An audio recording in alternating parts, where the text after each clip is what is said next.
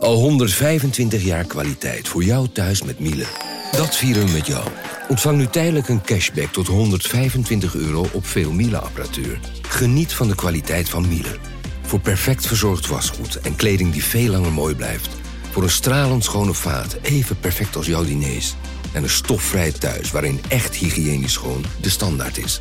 Check miele.nl voor alle feestelijke aanbiedingen.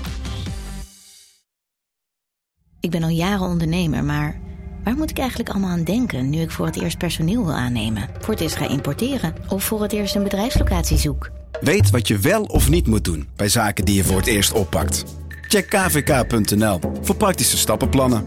KVK, hou vast voor ondernemers.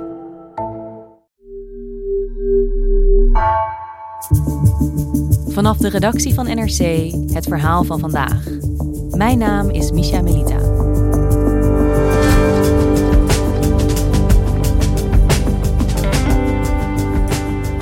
In 2016 begon in Amsterdam een ambitieus woonproject. Startblok Riekerhaven. Statushouders en Nederlandse starters gingen er samen wonen. Maar de ambities waarmee het project begon zijn lang niet allemaal waargemaakt, zagen redacteuren Tristan Terlink en Romy van der Poel. Waar is het misgegaan?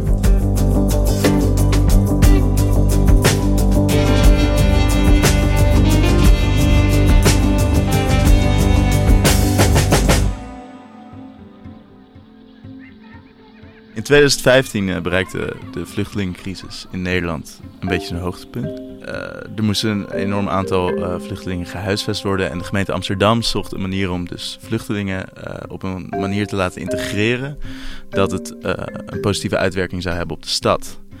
In Amsterdam Nieuw-West zijn op dat moment een aantal sportvelden die herbestemd worden als een soort nieuwe woonplaats. Het ligt een beetje afgelegen, zoals sportvelden eigenlijk vaker uh, liggen. Um, het ligt tussen tapijtgroothandels en distributiecentra. Uh, en daar wordt een complex, een heel innovatief nieuw wooncomplex neergezet. Het startblok Riekerhaven. En dit project wordt gestart in 2016. Wie moet er komen te wonen? In dit project komen 565 jongeren te wonen. De helft statushouders, de helft Nederlanders of Nederlandse starters.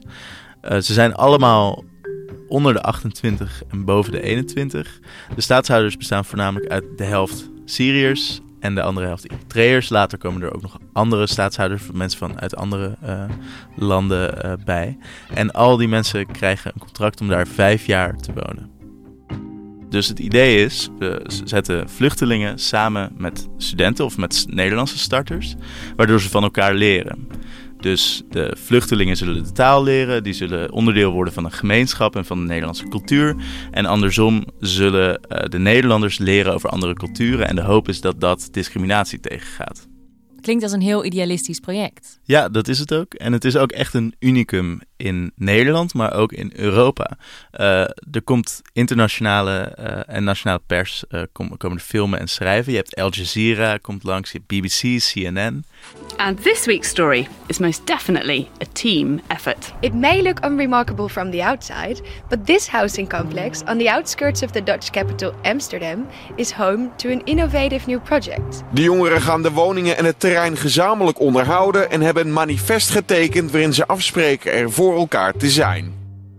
Het is een ambitieus en ook een hoopvol project. Maar al snel blijkt dat uh, als je een gemeenschap wil bouwen met mensen uit verschillende culturen, waarvan sommigen veel hebben meegemaakt, dat het ook veel problemen veroorzaakt waar ze misschien niet altijd op voorbereid waren. Uh, Tristan, dit ambitieuze woonproject, je zei al, het werd um, gestart na de vluchtelingencrisis van 2015. Wiens idee is dit? Wie komen hiermee? Dat is de gemeente Amsterdam. De gemeente Amsterdam wil dus een innovatief woonproject. En daarvoor werken ze samen met wooncorporatie De Kei. En wooncorporatie De Kei is bij veel mensen bekend, denk ik. Ik ben zelf geboren in een huis van wooncorporatie De Kei. Maar De Kei heeft weinig of geen ervaring met dit soort sociale woonprojecten. En om die kant op te vullen doen ze dus een aanbesteding. En die aanbesteding wordt gewonnen door Socius. En Socius is een jongerenhuisvester die al wat meer ervaring heeft met gemengd wonen, voornamelijk in Utrecht. En zij hadden het beste plan hiervoor. Dat hebben ze aangeleverd en zij zijn uitgekozen Waar de gemeente en de wooncorporatie uh, dus meer de materiële kant zouden doen, zou Socius zich echt focussen op de sociale kant van het project. Op 1 juli 2016 begint het. Er is een uh, projectcoördinator, Bart van den Berg. Dat is een ex-theatermaker die uh, um, via via eigenlijk uh, beland is in deze functie. en die geeft leiding aan een kerstvers zelfbeheerteam. Het zelfbeheerteam is een idee van Socius.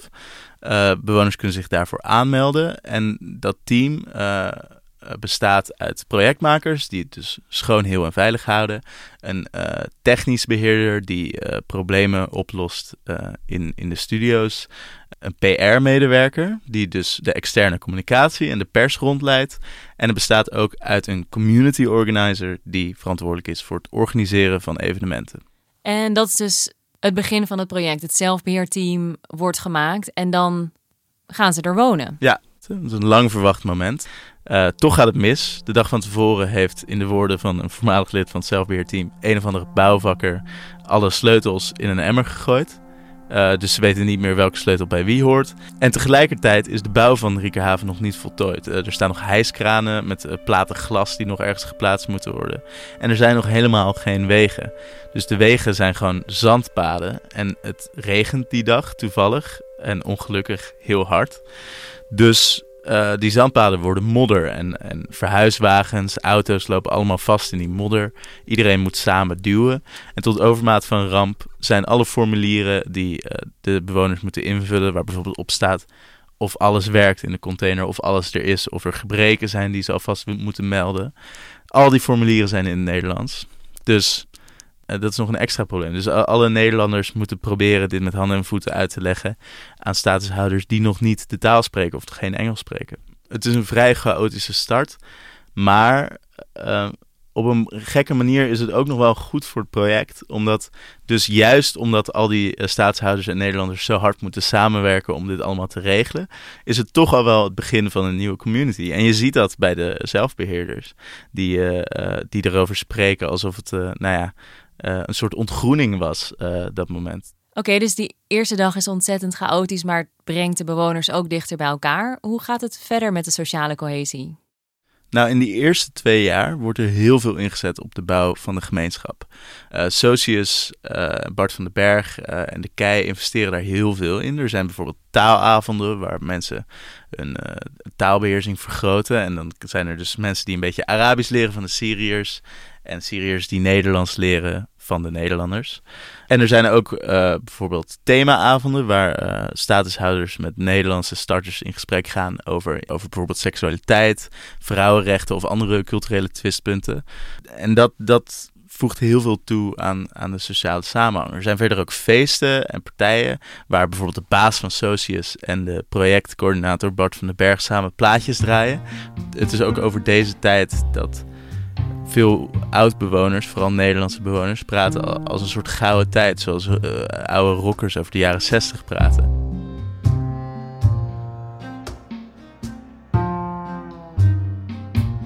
Maar het klinkt toch alsof die ambities waarmee het project begon, sociale cohesie, culturele uitwisseling, alsof dat wel uitkomt. Ja, dat lijkt een tijdje uh, wel uit te komen. Er wordt ook echt wel heel erg veel op ingezet. Maar na een tijdje uh, spelen er ook wel problemen op. Bijvoorbeeld trauma's, uh, mentale problemen van staatshouders. Dat uitzicht dus in mensen die af en toe in de war zijn, die erg eenzaam zijn, die depressief worden. Um, ook sommige mensen die agressief worden. En dat komt niet alleen op de schouders van de gemeenschap terecht, maar ook voornamelijk op de schouders van het zelfbeheer. En het zelfbeheer bestaat, afgezien van de projectcoördinator, uit twintigers. Op zijn hoogst doet er misschien iemand een studie psychologie, maar dat, dat is het dan. Um, en die, wat moeten ze doen? Wat kunnen zij doen? Wat zijn de tools die zij hebben om bijvoorbeeld overlast aan te pakken?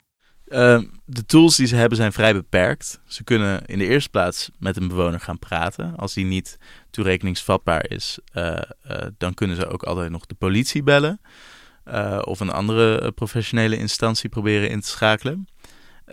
maar als iemand niet geholpen wil worden en niet echt gevaarlijk is, maar alleen lastig, dan wordt het toch wel heel moeilijk om zo iemand iets op te leggen wat hij niet wil doen. Ja, want ze zijn zelf natuurlijk verre van professionals, maar ze dealen wel met problematiek die normaal gesproken bij psychologen of bij vluchtelingenwerk terechtkomt. Ja, ja. Er is een kantoor van vluchtelingenwerk op het terrein. En vluchtelingenwerk helpt ook echt met de ondersteuning van vluchtelingen om hun weg te vinden in de maatschappij. Dus dat is er wel. Maar die hulp is wel voornamelijk vrijwillig. Dus uh, staatshouders kunnen er zelf binnenlopen. Uh, om, om, om, geholpen te worden. En dat gebeurt toch niet zo heel vaak. En er is bij veel staatshouders toch ook wel een uh, taboe op het accepteren van psychologische hulp. En als je dan geen professional hebt die klaar staat om te helpen, dan komt het allemaal op de schouders van het zelfbeheer terecht. Ja. Een, uh, een vrouw waarmee we spraken, die woonde boven een staatshouder die een beetje in de war leek te zijn. Nou, die bon bonkte op de muren, die voetbalde in het huis, die zette heel hard muziek aan. En die uh, stak vuurwerk af op een gegeven moment ook in de kamer. Nou ja, dan kon zij een noodtelefoon bellen. Dan kwam er een zelfbeheerder met piketdienst in de avond. Uh, uh, en die kon dan proberen met zo iemand te gaan praten. Maar die telefoon werd ook niet altijd opgenomen. En ook één keer werd hij wel opgenomen. En toen kwam er een dronken zelfbeheerder langs. die op zijn borst op de grond ging liggen met zijn oren op de vloer. Omdat hij zei dat hij het niet kon horen. Nou ja, dat, het is, dat is allemaal niet zo professioneel. Nou, de schoonmaken is dus ook volledig gereserveerd voor de bewoners uh, van uh, Startblok Riekerhaven. Uh, wat dus in veel gevallen betekent dat het niet gebeurt. For me, it hasn't been great. Yeah, the cleaning stuff. Right. And, it's more like it's the camp. Looks like a camp. Yeah, it's like a camp, and yeah, yeah. So especially the dirt. Yeah, it's a very dirty place. Uh, dus het is vies. Uh, overal zwerfafval. Uh, de vloeren plakken. ligt rotzooi in het trappenhuis. Het is niet schoon. Ja, dat klinkt als een studentenhuis. Hadden ze van tevoren niet verwacht dat dit soort problemen zouden gaan spelen? Ja, dat hadden ze wel verwacht. Maar ze hadden in sommige gevallen niet verwacht dat het zo erg zou zijn. En dat gaat voornamelijk op voor de baby's.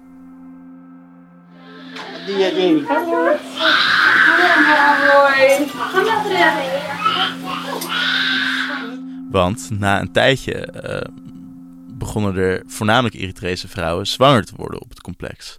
Uh, en de baas van Socius zei: We hadden wel verwacht dat er baby's zouden komen, maar niet zo snel en niet zoveel. Eigenlijk mag je geen baby's hebben op uh, Startblok Riekerhaven. Je mag er niet komen wonen met baby's. Maar je kon natuurlijk wel zien aankomen dat er baby's geboren zouden worden. Maar wat doe je dan? Want je kan deze moeders met baby's, omdat het nou eenmaal in de contracten of de reglementen staat, kan je niet zomaar uh, de deur wijzen.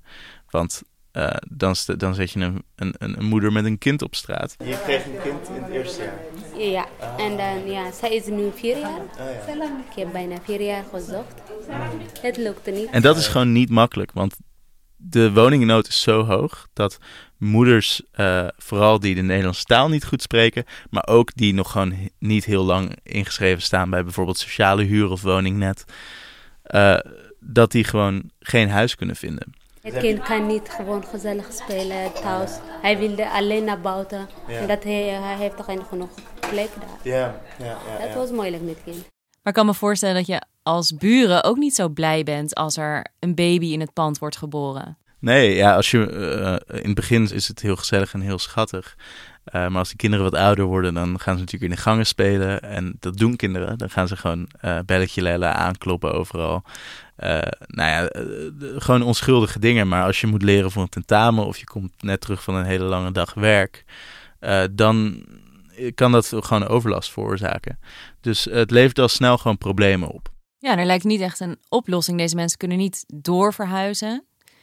En het is gewoon geen geschikte plek om een kind op te voeden. Nee, er wordt een hele lange tijd geen oplossing aangedragen. En dus na drie jaar, dus drie jaar sinds 2016, sinds de start van het project, komt er een tussenoplossing. En dat is de babygang. Waar één gang wordt uitverkozen uh, om alle moeders en kinderen te huisvesten. Dus er komt een grotere keuken, een grotere gemeenschappelijke ruimte waar kinderen kunnen spelen. Uh, een soort kinderdagverblijf. Um, en daar wonen dus alle moeders en kinderen samen, zodat ze uh, elkaar kunnen helpen met alles wat erbij komt kijken als, je, um, als je een kind krijgt in Nederland. Ja, dus we hebben een complex in Amsterdam Nieuw-West waar ja, mensen op een heel ideologische manier samenwonen, maar ook dat beheer zelf moeten doen. Er is inmiddels een babygang ingericht omdat er zoveel uh, kinderen werden geboren en uh, de vloeren plakken overal. Hoe gaat dit verder? Drie jaar na de start van het project, rond 2019, beginnen de incidenten zich echt op te stapelen. En dan uh, hebben we het over ja, geweldsincidenten, brandjes, vrouwen die zich onveilig voelen of te maken krijgen met ongewenste intimiteiten. Op besloten Facebookgroepen en WhatsApp-groepen wordt bijvoorbeeld geklaagd over mannen die voor het raam staan bij vrouwen die op de begaande grond wonen en met, een, met een iPhone en filmen. Um, er is ook een schietincident met een luchtbux waarbij een kogel door een raam gaat. En bewoners beginnen het gevoel te krijgen uh, dat het niet veilig is. Het gaat van kwaad tot erger. Het gaat van kwaad tot erger, ja. ja, ja, ja. Tristan, je schetst hier een beeld van een ambitieus woonproject. Um, er is van alles gelukt, maar er is ook heel veel, ja, toch niet zo goed verlopen. Um, hoe gaat Riekerhaven de toekomst in? Nou, de eerste lichting, uh, die hadden vijf jaar contracten, is nu grotendeels vertrokken. Althans, dat geldt voor de Nederlandse bewoners. Staatshouders, daar ligt het een stuk moeilijker. Die hebben uh, minder makkelijk een huis kunnen vinden. En die hebben dus een jaar verlenging gekregen van uh, de gemeente en de KEI. Dus zij krijgen dus dit jaar om nog een huis te zoeken. Of als het jaar afloopt, dan krijgen ze een huis aangeboden van de gemeente. Tenminste, als de woningnood dat toelaat, als die huizen er zijn. En dan komt er weer een nieuwe lichting. Dus dan trekken er weer nieuwe mensen uh, in startblok Riekerhaven. Want dit project blijft nog zes jaar staan. Het blijft nog tot 2027 staan. En er komt nu dan een nieuwe lichting. Gaat het voor hun anders zijn? Of gaan de komende vijf jaar gewoon weer dezelfde problemen spelen? Nou, er is een nieuwe beheerder sinds december uh, 2020. Uh, Arnold Hooiveld heet hij. Um, en die heeft uh, grote plannen om het weer een beetje te laten opleven. Die heeft ook gezegd: het leek alsof Startbroek Riekerhaven een beetje vergeten was. Hij zei: het is geen grote mislukking. Het is ook geen paradepaardje. Het is een genuanceerd verhaal. En die heeft wel mooie nieuwe plannen voor uh, Startblok Riekerhaven. Er moet bijvoorbeeld groen gaan groeien op de wanden van het complex. En uh, muurkunst, een soort graffiti komen, uh, waardoor het wat toonbaarder wordt. En belangrijk, of belangrijkste is misschien nog wel, dat de rol van het zelfbeheer een beetje verandert. Het zelfbeheer zal nu niet meer alle psychologische en psychiatrische problemen moeten aanpakken. Maar het zelfbeheer zal voornamelijk hier een signaleringsfunctie in krijgen. En uh, dan werkt het volgens wat ja, heel mooi in beheerderstermen een escalatieladder heet. Uh, waardoor het bij de uh, coördinator terechtkomt en die stuurt het door naar professionele instituties. Dus er verandert wel degelijk iets.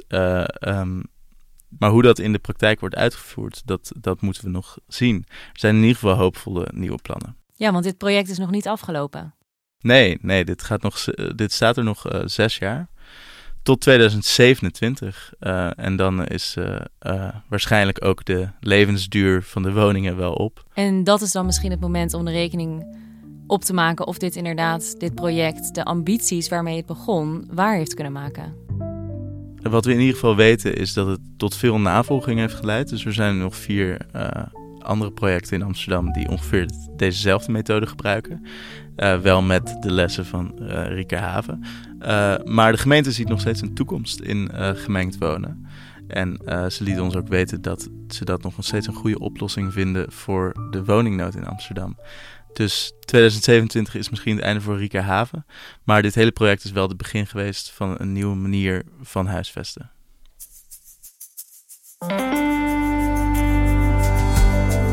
Je luisterde naar vandaag, een podcast van NRC. Eén verhaal, elke dag. Deze aflevering werd gemaakt door Wijken van Kolwijk, Allegria Ioannidis en Stef Visjager. Dit was vandaag, morgen weer.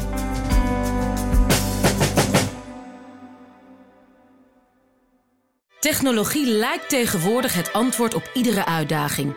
Bij PwC zien we dit anders.